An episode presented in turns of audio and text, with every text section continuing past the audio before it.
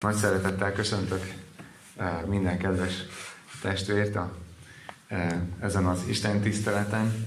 Eh, jó együtt lenni, és ahogy a konfirmandusokkal ezt átbeszéltük a, a héten, olyan jó, amikor mint egy eklézia együtt vagyunk. Ennek a szónak ugye az eredeti jelentése az, amikor a kihívottak közössége találkozik. A, ugye ez a ez a régen használt szavunk erre vonatkozik, hogy amikor ugye az ókorban valamit ki akartak hirdetni, valami fontos dolgot, akkor valaki körbekürztölt, és akkor a főtéren vagy a kapunál találkozott a, a csapat. És elmondták azt, amire, amit hallani kellett. És olyan jó, hogy minket is most ide uh, Isten ide hívott, és, és mindenképpen nem csak azért hívott ide, hogy hát mondjuk egy szűk óráig együtt legyünk, hanem azért hívott ide, hogy van valami szava hozzánk. Úgyhogy az ő szava az áthat, az éltet bennünket, és azért is kezdem ezzel, hogy, hogy mennyire fontos Isten szava, az ő hívása, mert a szavakról fogunk ma beszélni, arról, hogy mit jelent megélni azt, hogy hogyan beszélek. Nyilván az egész spektrumát nem tudjuk ennek egy szűk 30 percen belül átgondolni, de Jézus egy nagyon fontos dologról beszél itt a mai igényben, amit jó nekünk, jó nekünk megfontolni.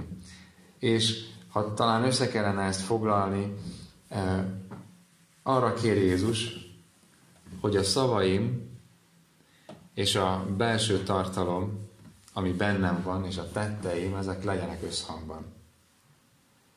A beszédem, ahogyan beszélek, az legyen egyenes, az legyen egyértelmű.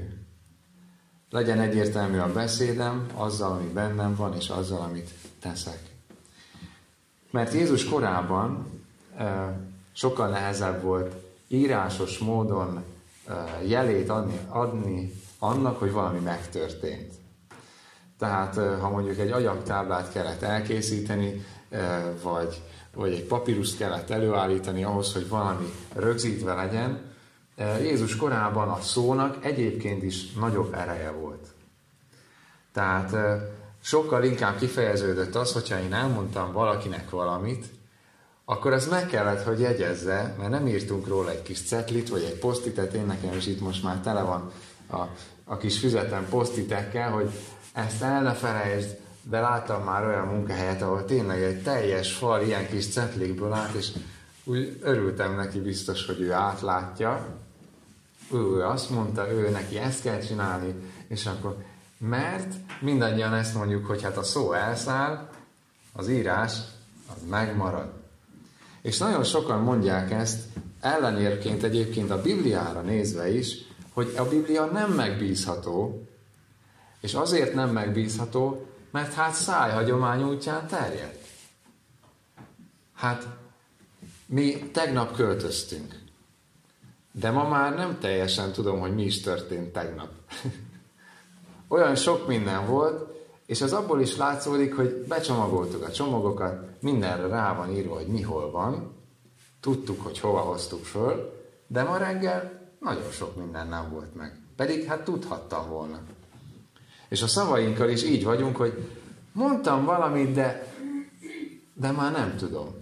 És sokan ezt mondják, hogy a Biblia ezért nem megbízható, mert hát ki tudja, hogy hogy mesélték el. De még egyszer hangsúlyozom, hogy akkoriban a szavaknak sokkal nagyobb súlya volt. És még egy fontos dolog, akkor a szó volt az egyedüli olyan információ, amit át tudtam adni. Most van, vannak a szavak, vannak a képernyők, vannak a, a mindenféle e, dolgok, amik érkeznek információként a fejünkbe, és tele vagyunk. Tele vagyunk vele. Én legalábbis ezt sokszor érzem. És amikor valaki mond, hát e, olyan, mint a farrahány borsó, hogy hát e, nem túl sok értelme volt.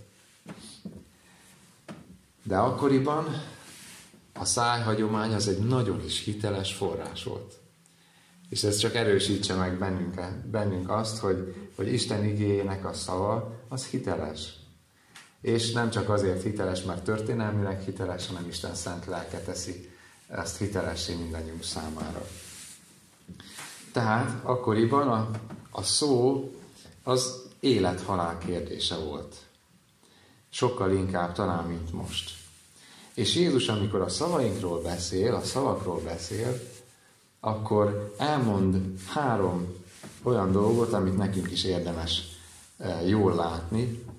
Az egyik az, hogy tehát a szavainknak, ha hiszük, ha nem, ha el akarjuk fogadni, ha nem, de súlya van. Tehát a szavainknak súlya van. A teremtettségünknek az egyik fontos pontja ez, hogy, hogy beszélni tudunk, hogy kommunikálni tudunk, hogy értelmesen tudunk egymással beszélni, kommunikálni. Olyan jó, hogyha vannak gyerekeink, és megtanulnak beszélni, vagy vannak jelzések, az ténylegesen igazából élet-halál kérdése, hogy tudok-e szólni valakinek. Éhes vagyok. Ezt kérek, vagy azt kérek, vagy segítségre van szükségem. Vagy gondoljunk csak bele, tényleg, hogyha egy szakadék szélén vagyunk, vagy elvesztünk, akkor mi az első, amit teszünk? Kiáltunk. Segítség. Van itt valaki? A szó, a beszéd az élet-halál kérdés. De a szó, tovább megyünk, egy olyan dolog, ami hatással van. Mert Isten, aki bennünket megteremtett embereket, a maga képére teremtett. És Isten, akinek olyan szava van, hogy azt mondja, hogy legyen világosság. És lett világosság. Neki nem kell kapcsoló hozzá, meg lámpa. Ő fogja és azt mondja, hogy legyen világosság, és lett világosság. Ő azt mondja, hogy legyen itt egy hegy, és lesz egy 8800 méter magas hegy, amit alig bírunk megmászni emberek. Meg most legyen itt egy olyan mély árok, ami mély, alig bírunk lemenni a mélyére. Mert ő azt mondta. Mert Isten ezt mondta. Hogy legyen.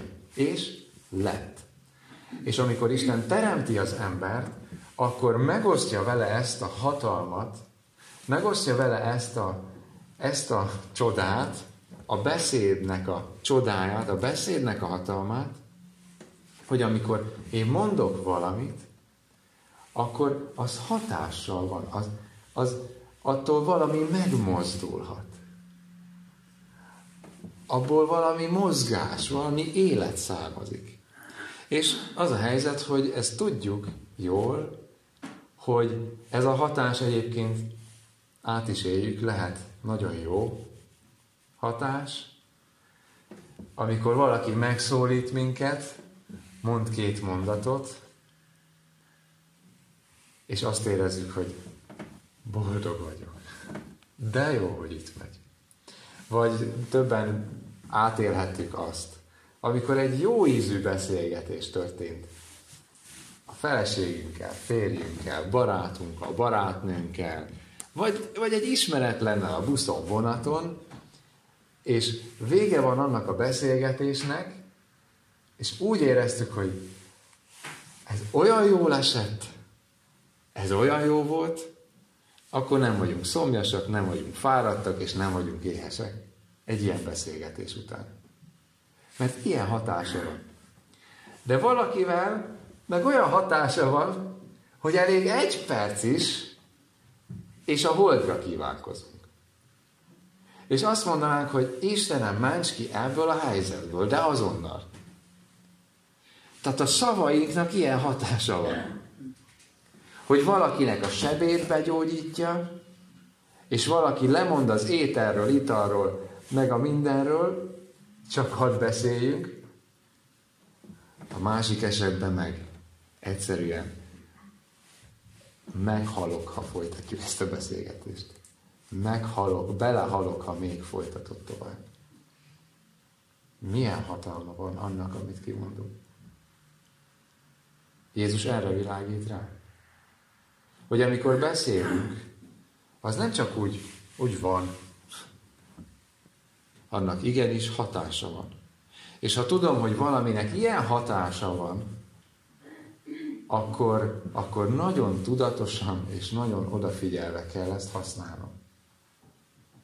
Nem úgy, ahogy én akarom, hanem úgy, ahogyan azt ő neki, nekem elmondja. És itt, amiről Jézus beszél konkrétan, itt a, a hegyi beszédben, az még azzal egészíti ki ezt a, ezt a gondolatmenetet, hogy, hogy Jézus korában van, voltak emberek, akik ezt a hatást, amit a szavai kiváltanak, vagy egy-egy egyesség kötés kapcsán, vagy szerződés kötés kapcsán, kellett még egy plusz súly hozzá. Mert lehet, hogy nem adtak volna hitelt a szavának, hogyha csak úgy azt mondja, hogy de én ezt megteszem. Hanem esküt kellett tennie ahhoz, hogy az a másik azt mondja, hogy na jó, mivel te esküt tettél, mivel fogadást tettél, na ezért azt mondom, hogy hitelt adok. Hogyha valaki megszorult például, nem volt mit adni a családjának, és oda ment a barátjához, vagy oda ment a családtagjához, és azt mondta, hogy kérlek, adj nekem, hogy legyen egy hétre a betevőfalat. Lehet, hogy a másik azt mondta, hogy de én minek adjak neked? Adtam múltkor is. Istenre eskü, esküszöm. Az Úrra esküszöm, hogy visszaadom, hogy megadom. Így fogadom az élő Úr előtt. És akkor mindenki úgy volt vele, jó, ha te ráesküdtél, akkor biztosan tisztában vagy azzal, hogy ezt mit, mit is jelent. Egy plusz súlyt adok annak, amit kimondtam. Esküvel fogadom. Hogy annak, ami, ami elhagyja a számot, annak még plusz ereje legyen. De mi van akkor, hogyha ezt valaki rossz szándékkal teszi? Mi van akkor, hogyha valaki ezt tényleg csak azért teszi, hogy kihasználjon engem? Vagy tudja, hogy nem tudja megtenni, de hát szüksége van valamire, úgyhogy ígérget fűt, fát, meg esküszik mindenre, ami létezik, de nem adja meg, és nem adja vissza. Így mind a kettő, tehát maga az ember is hitelét veszti, Isten pedig a dicsőségét. Bele lett keverve egy olyan dologba, amiben nem akar belekeveredni. És gondolkodtam azon, hogy ma, amikor mi a mindennapokat éljük, hogy van-e ilyen, ilyen helyzet, vagy ilyen eset, és, és úgy eszembe jutottak olyan hitel felvételek, olyan adósságok, amikor, amikor egy barátot valaki azt mondta, hogy legyél a kezesem. Mert csak úgy én rám nézve nem adják meg a hitelt. Úgyhogy gyere, kérlek, kell lesz te is ebbe. És nagyon kevés ilyen pozitív példát láttam erre, hogy, hogy ennek jó lett a vége. Valaki kezességet vállal, és a másik alatt összeomlik az élet, és a kezes is borul vele együtt. Aztán gondolkodtam tovább, hogy hát mi is, amikor itt megállunk a keresztelőnél, akkor a keresztelős család megfogadja, hogy hitben nevelik a gyermeküket. Isten előtt fogadjuk. Aztán a konfirmandusok, akik készülnek a konfirmációra, itt megvallják és fogadalmat tesznek, hogy ők a református egyház tagjai, áldozatkész tagjai, résztvevői lesznek. De aztán tovább megyünk, ott van az esküvő, esküt teszünk, hogy jóban, rosszban, mind értemben, mind halál, minden esetben. Hűséges maradok, hűséges leszek, zárójeles megjegyzés, ez azért is aktuális most, mert ma kezdődik a házasság hete, úgyhogy ha a házasság hete Facebook oldalán található dolgokat eh, megnézzük és fogyasztjuk, az biztos javunkra lesz, úgyhogy eh, ezt mindenkinek nagy szeretettel ajánlom. Tehát sok ilyen helyzet van, amikor azt mondom, hogy fogadom, esküszöm, megteszem. És itt az esküvőnél nem is beszél arról, hogy sokan ezzel is akarják magukhoz kötni a másikat. Na majd, ha lesz az eskü, na majd, ha, majd, ha Isten előtt is fogadjuk, akkor majd biztos mellettem marad. Akkor majd biztos. Vagy ha házassági szerződést kötünk, akkor az majd lesz olyan erős eh, dolog, hogy nem akar senki válni. De nekem is eszembe jutott egy, egy beszélgetés, még Budapestről, amikor egy, egy keresztelős anyukával beszélgettem, telefonon, közel üvöltözve, közel egy órán keresztül, mármint, hogy ő üvöltözött velem. Én meg határozottabban próbáltam válaszolni, de nem értette meg, hogy miről szól a keresztelő, hogy miről, mit, mit fogadnak ők meg, hogy mi az, ami most itt történik. Keresztelje már meg! Tiszteletes úr! Ha nálunk Erdélybe, Erdélyből jött, Hát mindenkit meg kell, hétfőtől vasárnapig mindenki meg volt keresztel. Ha nincs víz maguknál, tisztelendő úr. Hogy ne lenne? Önöknél is van víz. Mégse teszik a csapalázt a gyereket. Nincsen súlya. Nincsen értelme kimondani valamit, és itt van a lényege annak, amit Jézus mond. Nincs értelme kimondani valamit, aminek nincsen fedezete belül. Aminek nincsen fedezete bennem. Hát minek mondom ki? És a konfirmandusokat is, akiket eddig kezelésbe vehettem, meg ezután is, mindig jó rátok nézni. Mindig ezt mondom, hogy gondoljátok át, gondolják át, mit fogadnak meg, hogy miről tesznek itt vallást.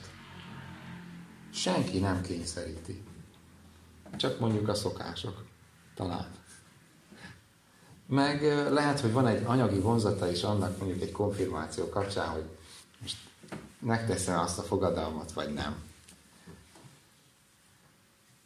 De az a kérdés, hogy egyenesben vagyok-e? Szó, szív, tett. Ez a kérdés. Ha egyenesben vagyok, és tudom, kiben hiszek, tudom, kiben keresem a segítőtársamat, akkor bátran, emberi módon is, de mondhatom, hogy igen, hiszek. Igen, én benned bízom. Igen.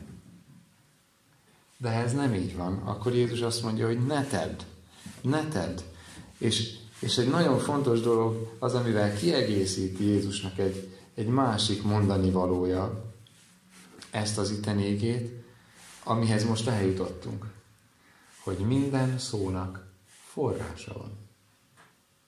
A szavaink nem csak úgy elhagyják a szánkat, nem csak úgy hogy mondogatjuk a nagy, nagy semmibe, meg a nagy levegőbe, hanem a szavaink, amiket kimondunk, annak, annak, annak az valahonnan jön.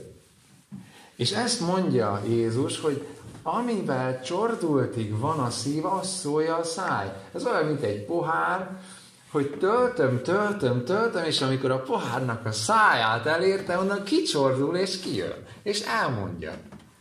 És amikor itt a vipera fajzatokról beszél, amikor itt az írástudókról, farizeusokról beszél, ez az, ami Jézust folyamatosan kihozza a sodrából, hogy képmutató módon élnek, tehát mondanak valamit, a szavaikkal hirdetnek valamit, de a tetteik és a szívük olyan távol van attól a szótól, mint Makó Jeruzsálemtől. És Jézus ezért használ ilyen kemény szavakat rájuk. Hogy más csinálsz, mint amit beszélsz. És azt mondja, hogy aki a jó embernek a beszéde, az jó akinek belül a szíve tiszta, abból tiszta jön ki. Akinek gonosz, abból viszont a gonoszság jön ki. Na de most az a kérdés, hogy hát de mégiscsak hogy mondhatja az írástudókra, hogy, hogy ilyen? Hogy, hogy derítette ki ezt Jézus? Egyrészt ő az, aki előtt nem tudunk hazudni. Tehát ő az, aki látja nem a szavaimat, az egy dolog. Ő látja a szívemet. Ő, ő átvilágít. Ő tudja, mi van bennem. Ő tudja, hogy, hogy hogyan vagyok itt. És erre szokták azt mondani, hogy, hogy akik itt ülünk a templomban, Jézus látja, hogy milyen szívvel vagyunk itt. Tudja, hogy a, a kedves, most mondjam így, a, a kánaáni református szavaink mögött egyébként milyen gondolatok vannak. És, és tudnunk kell azt, hogy ezek előbb-utóbb felszínre jutnak. Isten ezt valahol elő fogja hozni. Megmutatkozik az, hogy mi van a szívedben. Ezt nem lehet egy életen keresztül eltitkolni. Ezt nem lehet elhazudtolni. Mert lehet, hogy a gyülekezetben el, tud, le lehet takarni. De az embernek van otthona. Lehet, hogy otthon teljesen más van. Vagy egy társaságban. Ott tiszta más. Tiszta más a beszédem. Ezt sokszor tapasztaltam már így meg, hogy amikor úgy, úgy alakult a helyzet, hogy valakivel egy másik társaságban találkoztam, és mondjuk nem egy gyülekezeti társaságban, hát én is elcsodálkoztam, hogy ismerjük mi egymást. Nem így szoktál beszélni. Nem így szoktál megnyilvánulni. Vagy eszembe jut sokszor az, amikor, amikor férfiak között beszélgetünk, és egy-egy ilyen pajzán vicc egyszer csak úgy hoppá, felszínre tört. Vagy egy-egy olyan, olyan történet, vagy olyan humorosnak vélt valami, ami abszolút nem humoros, ami abszolút nem vicces.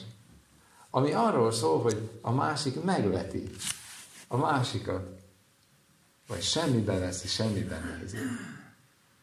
Felszínre tört. Nem tudunk 0-24 óráig hazudni. Tehát valahol kijön az, ami belül van. És most itt a férfiakról volt szó, azért a kedves nőtestvéreket is szeretgessük meg,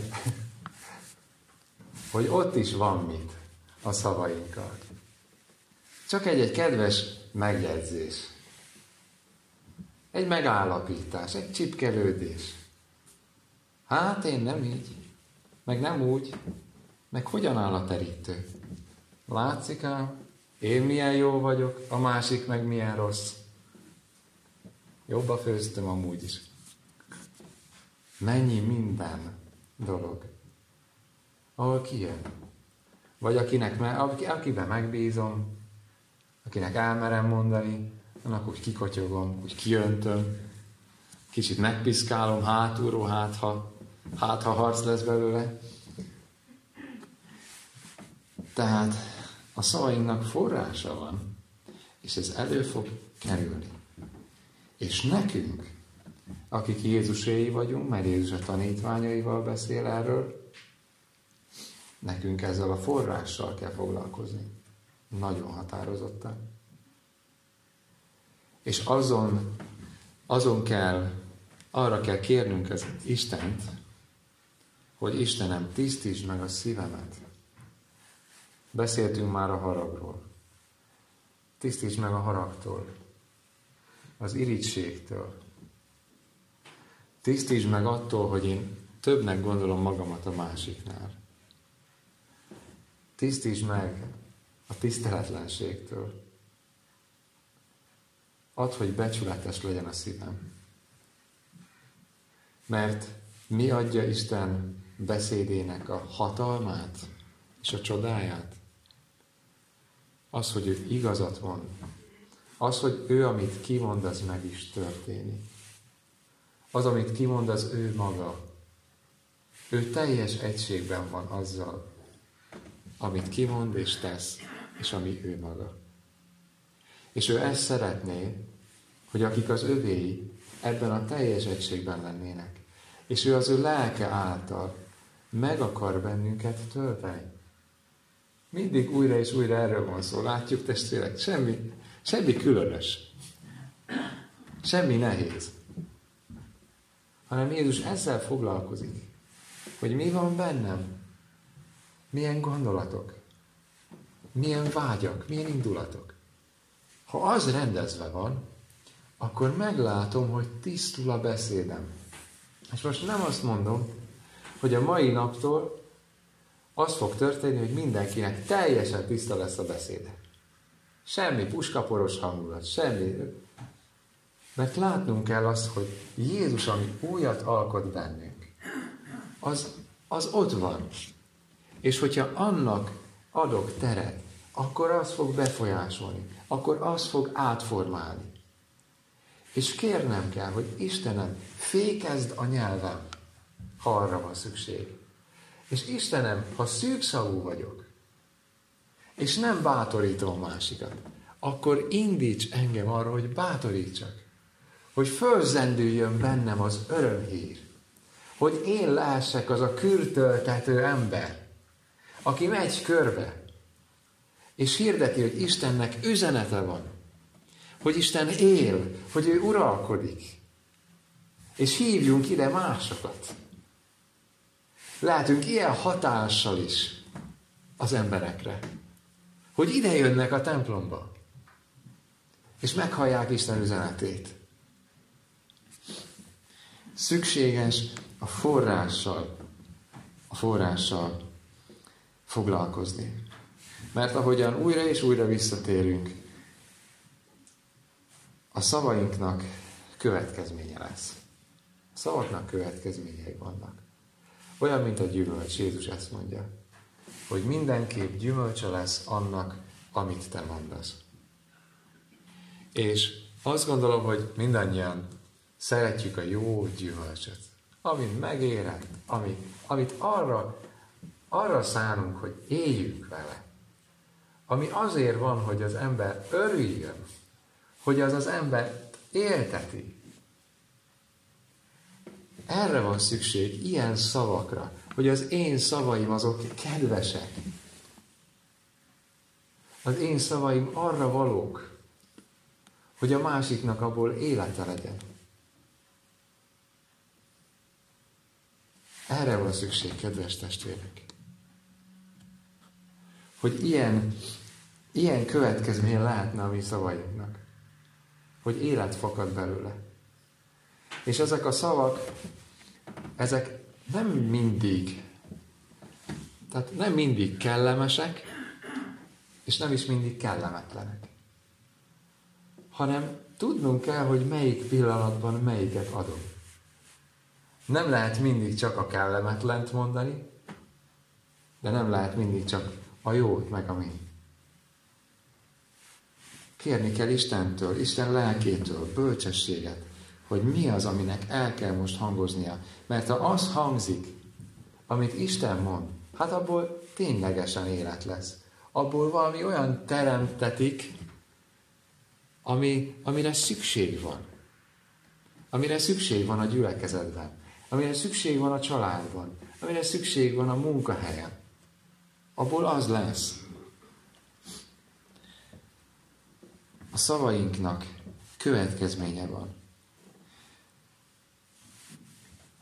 Említettem itt a házasság hetét, konfirmációt, esküvőt, sok minden. Minden, mindannyiunk gondoljuk át, hogy, hogy milyen termést hoztak a szavaink. Amit eddig kimondtunk, vagy ahogyan eddig beszéltünk.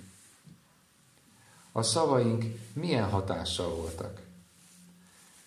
Egy olyan közeget teremtettek, amiben az élet üdén, frissen, szárba szökken terem, vagy a szavainknak egy olyan hatása van, hogy körülöttünk mindenki elveszíti a maradék életerejét is. Vagy az a következménye, hogy, hogy a, az átlagnál savanyúbb a környék amikor ott vagyunk. vizsgáljuk meg magunkat. De azért vannak a testvéreink, azért van a gyülekezet, azért van a családunk, a családtagjaink. Kérdezzük meg, akár a feleségünktől, férjünktől, gyerekeinktől. Kérlek, hogy látod? A szavaim mit okoztak benned? Mit nem okoztak benned? Hogyan bánok veled? Jó ez?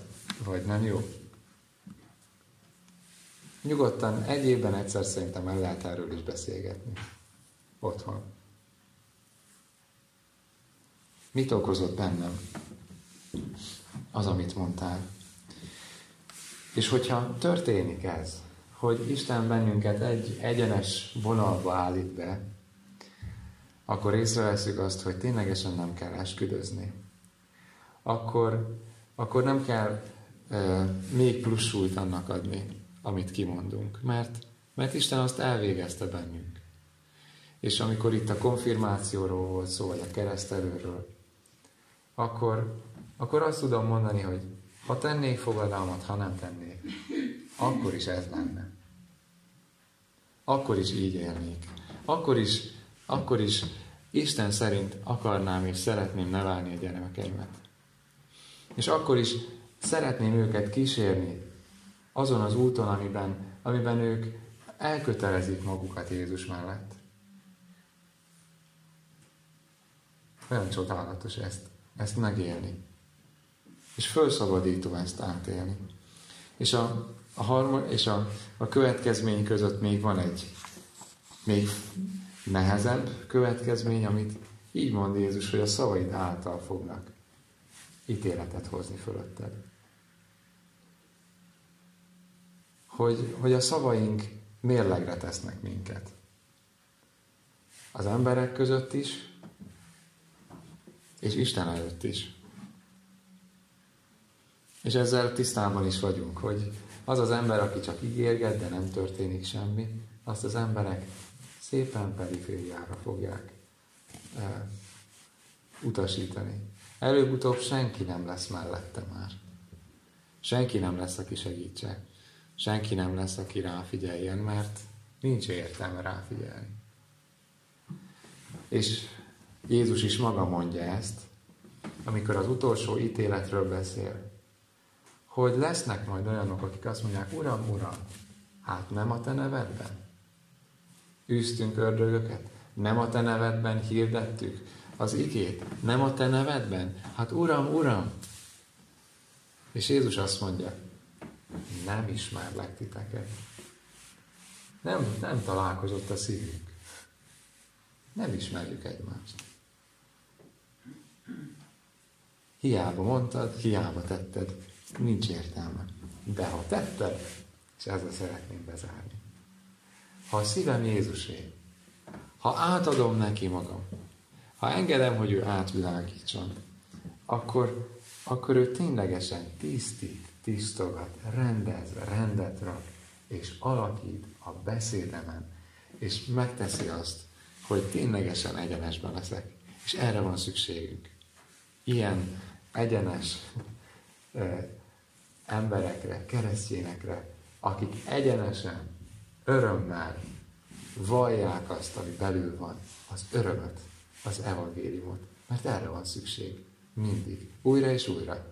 Mert az evangélium hirdetése által Isten az ő lelkén keresztül gyülekezetet gyűjt össze. Megváltottak, megszabadítottak közösségét.